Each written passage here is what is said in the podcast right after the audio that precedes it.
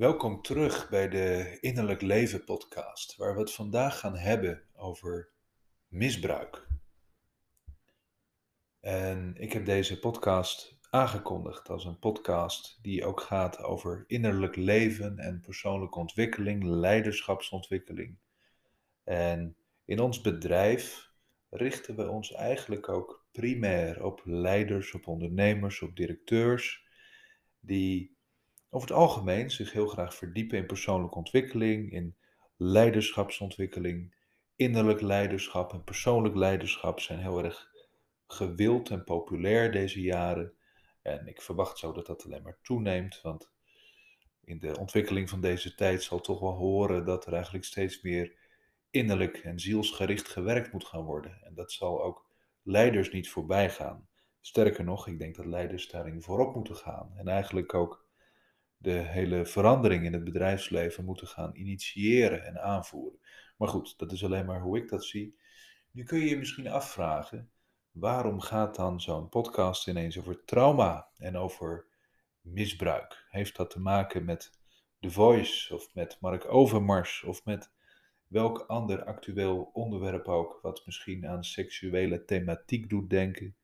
En hoort zo'n onderwerp dan eigenlijk wel thuis in een podcast die over deze thema's gaat en voor deze doelgroep is? Nou, natuurlijk denk ik van wel, anders was dit niet zo het onderwerp geweest. Ik denk dat misbruik een thema is wat in ons aller leven heel erg groot is. En dat we nog maar beginnen om te ontrafelen hoe groot dat eigenlijk is.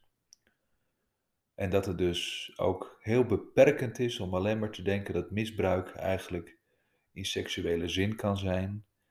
En dat het dan alleen maar gaat over, laten we zeggen, de duidelijke gerapporteerde aangiftes van seksueel geweld of van seksueel misdrijf.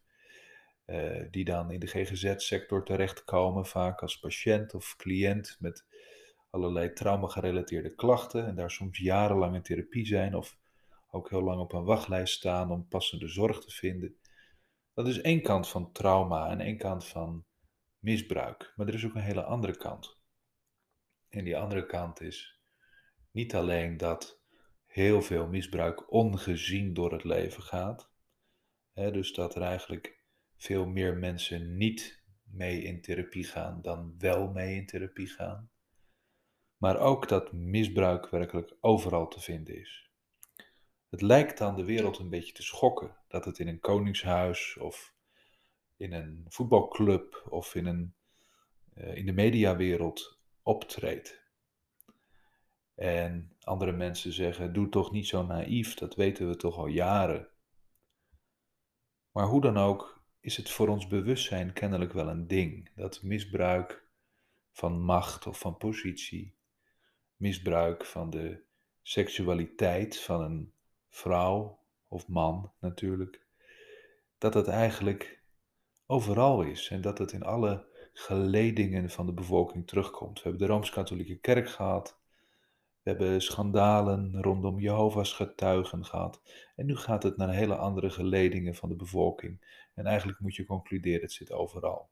En gaat het nu alleen over seksueel misbruik of valt er meer van te zeggen? En ik denk dus dat er meer van valt te zeggen, omdat misbruik per definitie iets is wat alles te maken heeft met liefde en met verbondenheid en met wijsheid. En in deze aflevering wil ik heel graag een tipje van die sluier oplichten, ook al realiseer ik me dat het echt een tipje is. Maar het is heel belangrijk dat je dit ook ziet, dat je dit verband ziet. Het is vaak zo dat liefde en misbruik van alles met elkaar te maken hebben. En misbruik is niet alleen misbruik op lichamelijk vlak, maar misbruik kan mensen ook treffen op persoonlijk vlak. Op energetisch vlak, wanneer mensen je leegzuigen, of je een mes in de rug, steken, of heel graag even op jouw kracht willen meeliften en je dan als een baksteen laten vallen. Eigenlijk je kracht misbruiken. Of wanneer mensen je vertrouwen nemen en daar misbruik van maken. Er kunnen zoveel situaties zijn waarin je eigenlijk misbruikt wordt. En meestal zie ik in de praktijk, treft dit mensen bij wie ook echt heel veel te halen valt. Mensen met grote innerlijke kwaliteiten, met een heel groot hart, die eigenlijk veel liefde hebben voor hun medemens. Altijd geduldig en helpend zijn. Juist deze mensen komen vaak in hun leven misbruik op persoonlijk vlak tegen. En ik denk helemaal niet dat dat vooral vrouwen treft. Ehm, ik denk dat er zeker man-vrouw verschillen in de dynamiek en in de uitwerking zijn te zien, maar dat het eigenlijk overal voorkomt. En dat wanneer je nou de scope is wat breder maakt dan alleen het seksuele wangedrag wat ook plaatsvindt, dat misbruik eigenlijk ook uh, op alle gebieden van het leven voorkomt en ook in het bedrijfsleven. En daar wil ik je graag mee naartoe nemen vandaag, want er is na de seksuele rellen van de laatste weken en maanden vaak gesuggereerd dat er ook een cultuuromslag moet komen. En daaruit spreekt in ieder geval het besef dat het groter is dan het individuele vlak. Ook zoiets als, hey, je kunt kennelijk een klimaat hebben wat zich leent voor misbruik. Uh, nou, ik denk dat dat heel goed is, dat het uit alleen het individuele aspect wordt getrokken. Maar dan is het nog wel belangrijk om te kijken, hoe kan dat nou toch? En waarom gebeurt het op de ene plek wel en op de andere plek niet? En heeft het nu met machtsmisbruik te maken of met andere vormen van misbruik? Nou, ik denk in essentie dat het een enorm schaduwveld is, om het zo maar eens even uit te drukken, van de liefde. dus het is vanuit de dader van een vorm van misbruik vaak ook een onvermogen om liefde te ervaren. In het seksuele, maar ook in het persoonlijke. Mensen die misbruikt worden, op welke manier dan ook, hebben vaak een enorme connectie met het idee van liefde. Zijn juist heel liefdevol, herkennen dat in zichzelf. En worden misschien daarom ook wel zo hard gekwetst dat die ander liefdevolle energie eigenlijk niet kan verdragen en het naar het fysieke moet degraderen. Of wanneer je goedheid misbruikt wordt, terwijl je eigenlijk iemand anders gewoon in zijn kracht wil zetten en een kans gunt. Je krijgt een mes in je rug. Nou, ik zou je heel graag willen meegeven, liefde en misbruik hebben alles met elkaar te maken. En liefde is een aspect wat in ons leven heel belangrijk is. Het is eigenlijk misschien wel de grootste kracht in het universum, waar alles om draait, om liefde en om verbondenheid. En daarbij ook liefdevolle wijsheid, in zachtheid en in warmte naar mensen kunnen kijken, weten wat hen beweegt van binnenuit. En eigenlijk mensen gewoon lief hebben. Op een krachtige maar liefdevolle manier leiding geven of als ondernemer een hele grote liefde hebben voor het werk wat je doet. En eigenlijk altijd het beste willen geven. Niet omdat je een verstokte perfectionist bent, kan natuurlijk ook, kan ook een liefdesprobleem zijn, maar omdat je eigenlijk gewoon liefde hebt voor je vak of voor je product. Of je geeft daar gewoon je hele hebben en houden aan. Nou, op zo'n manier zou je kunnen zeggen, liefde is echt een enorme kracht en is ook heel erg magnetiserend. Het trekt mensen aan. Als je met heel veel liefde je werk doet, heb je eigenlijk altijd mensen die in je geïnteresseerd zijn. Ze weten je altijd te vinden, het komt altijd op je af. En wanneer je als leider zoveel liefde laat zien in je organisatie of in je bedrijf, je mensen vliegen voor je en geven eigenlijk ook liefde terug en worden in hun kracht gezet. Als een plantje wat je water geeft en wat eigenlijk niks anders kan doen dan groeien. Maar de bittere realiteit is natuurlijk dat lang niet alles in de zakelijke wereld zo liefdevol gaat. Er zijn veel mensen die beschadigd zijn hierin en die eigenlijk dus in plaats van liefde vooral veel angst en wantrouwen voelen. Eigenlijk voortdurend alert zijn, eh, bang om misbruikt of gekwetst te worden. En dat eigenlijk als een soort panzer om zich heen bouwen. En daarmee eigenlijk ook afleren om liefde aan andere mensen te geven. Waardoor je een soort eilandjesgevoel krijgt, een leegte of een gebrokenheid ook op, op, op de werkvloer of in je organisatie, waardoor eigenlijk de smeerolie ontbreekt die maakt dat het een energieverhogend geheel wordt. Allemaal hele belangrijke dingen die te maken hebben met liefde. En liefde plant zichzelf voort. Dus als liefde eenmaal actief is en dat, dat huist in je leven of in je bedrijf, dan wordt het eigenlijk alleen maar mooier en wordt het alleen maar beter. Maar het brengt vaak ook onze angsten aan het licht. En liefde is dus niet alleen maar mooi en leuk, maar het kan ons ook in aanraking brengen met uh, situaties waarin misbruik speelt. Misbruik op persoonlijk vlak, zoals ik net al schetste. En niet iedereen gaat voor je vliegen wanneer je als leider heel veel liefde en vertrouwen geeft. Het kan ook zijn dat je toch dat mes in je rug krijgt. Of dat iemand er eigenlijk helemaal niet mee om kan gaan, dat je zoveel warmte en vertrouwen geeft. Nou, dat zijn wel dingen die we ook in de psychologie, en dan vooral in de wat meer integrale psychologie, uh, groeispanningen van de liefde noemen.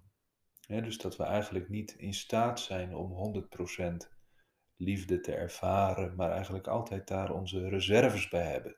Angsten en wantrouwen. Waardoor we ons preventief een beetje op slot zetten, zodat we niet zo hard gekwetst of geraakt kunnen worden. Maar je raadt het al, de grote payoff daarvan is eigenlijk dat je verbondenheid verliest. Niet alleen met de ander, maar ook met jezelf. En daar zit misschien wel een hele belangrijke factor als we praten over misbruik.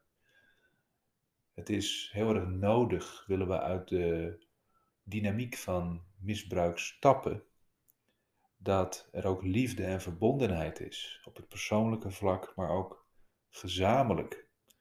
En zelfs in een zakelijke omgeving waar je misschien geneigd bent om te denken: in die end gaat het om geld verdienen. Ja, dat klopt misschien ook wel. Maar ook dat heeft alles met liefde te maken. Want waar er warmte en verbondenheid heerst, daar vermenigvuldigt eigenlijk alles. Terwijl andersom, wanneer dat ontbreekt, je ook kunt zien dat er een grote afbraak of destructiviteit in je bedrijf of in je organisatie komt. En heel veel cultuurproblemen, zoals dat dan vaak wordt genoemd in bedrijfsculturen, in een team of binnen een proces van reorganiseren bijvoorbeeld, waar koppen rollen en mensen ook persoonlijk geraakt worden in wat er allemaal gebeurt. Het heeft te maken met al deze groeispanning op het gebied van liefde en angst en wantrouwen. Nou, hoe kun je daar nu eigenlijk op een goede manier plaats voor maken in je leven? Hoe kun je zorgen dat je uit de cyclus van misbruik blijft? Misschien is dat allereerst wel om te erkennen dat misbruik nooit een incident is. Dat is het misschien wel als het gaat over een seksueel misdrijf seksueel misbruik met een aangifte, dan lijkt iets een incident. Toch is dat vaak niet waar, want de meeste slachtoffers vragen zich altijd af: waarom maak ik dit nou mee? En waarom is het niet de eerste keer, maar de tweede of de derde keer? En heb ik het misschien wel uitgelokt? Doe ik iets verkeerd? Waarom hè, staat er een prijs op mijn hoofd, om het zo te zeggen? Nou, het is vaak in therapeutische situaties al een hele klus om daar op een liefdevolle manier mee om te gaan. En om daar antwoorden op te vinden. Maar ik zou toch in algemene zin willen zeggen, uh, de energie of de dynamiek van misbruik, die staat nooit op zich, komt ergens vandaan. Het is heel belangrijk dat je zoekt waar dat vandaan komt. Wanneer dat in je persoonlijke leven speelt, kan het ook gewoon met persoonlijke thematiek te maken hebben. En dan moet je denk ik vooral zoeken naar hoe is mijn relatie met liefde? Heb ik die kunnen krijgen? Is dat belangrijk voor me? Kan ik liefde ontvangen? Kan ik liefde geven? Hoe ziet dat er eigenlijk in mijn liefdesleven uit qua relaties? Hoe ben ik met mijn man, mijn vrouw, mijn kinderen? Maar ook doe ik de dingen in mijn leven die ik echt lief heb, die ik het allerbelangrijkste vind. Waar ik bij wijze van spreken op mijn sterfbed van zeg, nou, ik heb er geen cent mee verdiend, maar het was me alles waard, want ik hou er gewoon van. Trust me, dit is geen pleidooi om nooit geld te willen verdienen of alleen maar bezig te zijn met je hobby, maar wel om eigenlijk je goed af te vragen: doe ik datgene in mijn leven wat ik echt lief heb, wat me raakt, wat me beweegt? Want hoe dichter je eigenlijk daarbij komt in je leven en in je werk, hoe krachtiger je bent en hoe effectiever. Want dan zit er eigenlijk niks meer tussen. Dan doe je wat echt belangrijk voor je is. En wat je echt hebt uit te dragen, wat dicht bij jezelf ligt. Dat is vele malen krachtiger dan wanneer je eigenlijk een soort van kunstje flikt. Of in een rol bent gekropen, die eigenlijk toch niet is wie je bent. Wanneer je het herkent in je team, of dat nu een directieteam is, een managementteam of in een team met werknemers in een wat kleiner bedrijf, wanneer er een sfeer van misbruik ook heerst, wanneer er eigenlijk een gebrek aan veiligheid, een gebrek aan warmte en verbondenheid is, dan zou je kunnen gaan analyseren waar dat vandaan komt.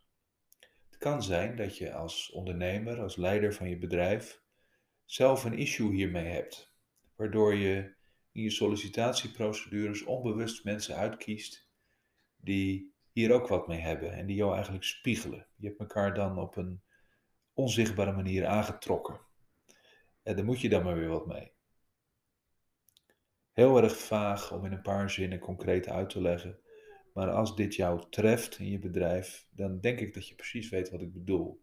Het is namelijk heel vaak hoe het er in de praktijk uitziet. Dat er een soort wetmatigheid in zit. Je trekt de mensen aan die een soort van op jouw schaduwzijde afkomen. En dan heb je daar vervolgens als een rode draad in je leven weer mee te dealen. Ook als leider of als ondernemer, wanneer je met je mensen te maken hebt. Als je in je bedrijf zo'n cultuuromslag wilt bereiken, is het ook van essentieel belang dat je oog hebt voor de enactments of de herhalingen van trauma die daar zitten. Een enactment is een mooie term voor dat er meestal bij traumatische of trauma-gerelateerde patronen een soort herhalingseffect in zit. Dus niet alleen liefde plant zichzelf voort, maar ook de energie van misbruik plant zich voort. De energie van angst ook. We spreken dan over een angstcultuur in een bedrijf. En ook daar is eigenlijk dan een gebrek aan liefde en verbondenheid. Nou, het is altijd heel veel beter om te werken aan het vergroten van liefde en verbondenheid dan te werken aan het bestrijden van angst of iets wat daarop lijkt. Want je kunt eigenlijk niet het slechte met het slechte bestrijden en meestal leidt dat tot veel grotere verkrampingen. Dus kijk ook of je als het ware een soort herhalende patronen kunt zien in wat er in je team en in je eigen leiderschap daarin gebeurt. Uh, ik denk als je daar goed bij stilstaat dat je kunt zien dat er een soort herhaling van zetten in te zien is. Ik doe dit, hij doet dat, zij doet dat. En daarna gebeurt eigenlijk hetzelfde weer opnieuw, maar misschien met een kleine variant of op een iets andere manier. Wat ook heel helpend kan zijn, is om wanneer je leider bent en je werkt in een grotere organisatie, dus er is misschien wat minder één op één verbondenheid met al je mensen, maar je hebt eigenlijk wel meer overzicht over de bedrijfscultuur en over de grote lijnen die ook jouw medebestuurders of managers die aan jou rapporteren weer moeten uitzetten. Om eigenlijk te zien hoe gaan wij hier, ikzelf, maar ook deze andere mensen, hoe gaan wij hier met liefde en met verbondenheid om? Hoe zijn we wanneer mensen falen? Of wanneer mensen eigenlijk iets flikken wat niet kan? Zijn we dan alleen maar hard en krachtig? Of komt daar ook liefde in mee en vertrouwen? Zien we eigenlijk de mens achter de werknemer? Durven we mensen ook op hun innerlijke leven aan te spreken? Waarom ben je hier? Is ook als het om de HR-kant gaat, uh, wel essentieel dat je eigenlijk een beetje kijk hebt in de ziel van je werknemers en je sollicitanten. Waarom voel je je tot ons bedrijf aangetrokken? En dan niet alleen op basis van de website en de credentials, maar ook gewoon op basis van een innerlijk voelen van ik heb het gevoel dat ik hier wil werken. Dit is, straalt iets uit wat me aanspreekt. En dan eigenlijk kijken, wat is dat in de binnenkant van die sollicitant of van die collega? Wat maakt dat iemand zich toch aan je bedrijf verbindt of aan je organisatie verbindt? En je kunt als leider heel goed oefenen in het zicht hebben op dit soort innerlijke processen, zodat je dat weet van jezelf, maar ook van de leiders of managers die weer aan jou rapporteren. En denk eraan dat eigenlijk zoiets eigenlijk neerdaalt of neerdruppelt op de werkvloer. Dus je zijpelt het als een olievlek ook je bedrijf in, je organisatie in. En als het specifiek gaat om de thematiek van misbruik en wantrouwen en angst, is het eigenlijk ook belangrijk dat je dit allemaal ziet in de sfeer van liefde en verbondenheid. De keerzijde daarvan is over het algemeen juist liefdeloosheid of hardheid, kilte, een soort gebrek aan engagement en persoonlijke betrokkenheid. En ook een stukje disconnectedness. Dat mensen eigenlijk langs elkaar heen leven en werken. Niet echt een team zijn. Waardoor je eigenlijk elkaar ook niet aanvoelt en niet samen aan het opereren bent. En die gebrokenheid die zien we heel veel in organisaties en in teams. zeker in de tijd van corona, lockdowns en thuiswerken, is natuurlijk verbondenheid ontzettend op de proef gesteld. Hoe kun je verbondenheid behouden op afstand of met zoveel wisselvalligheden?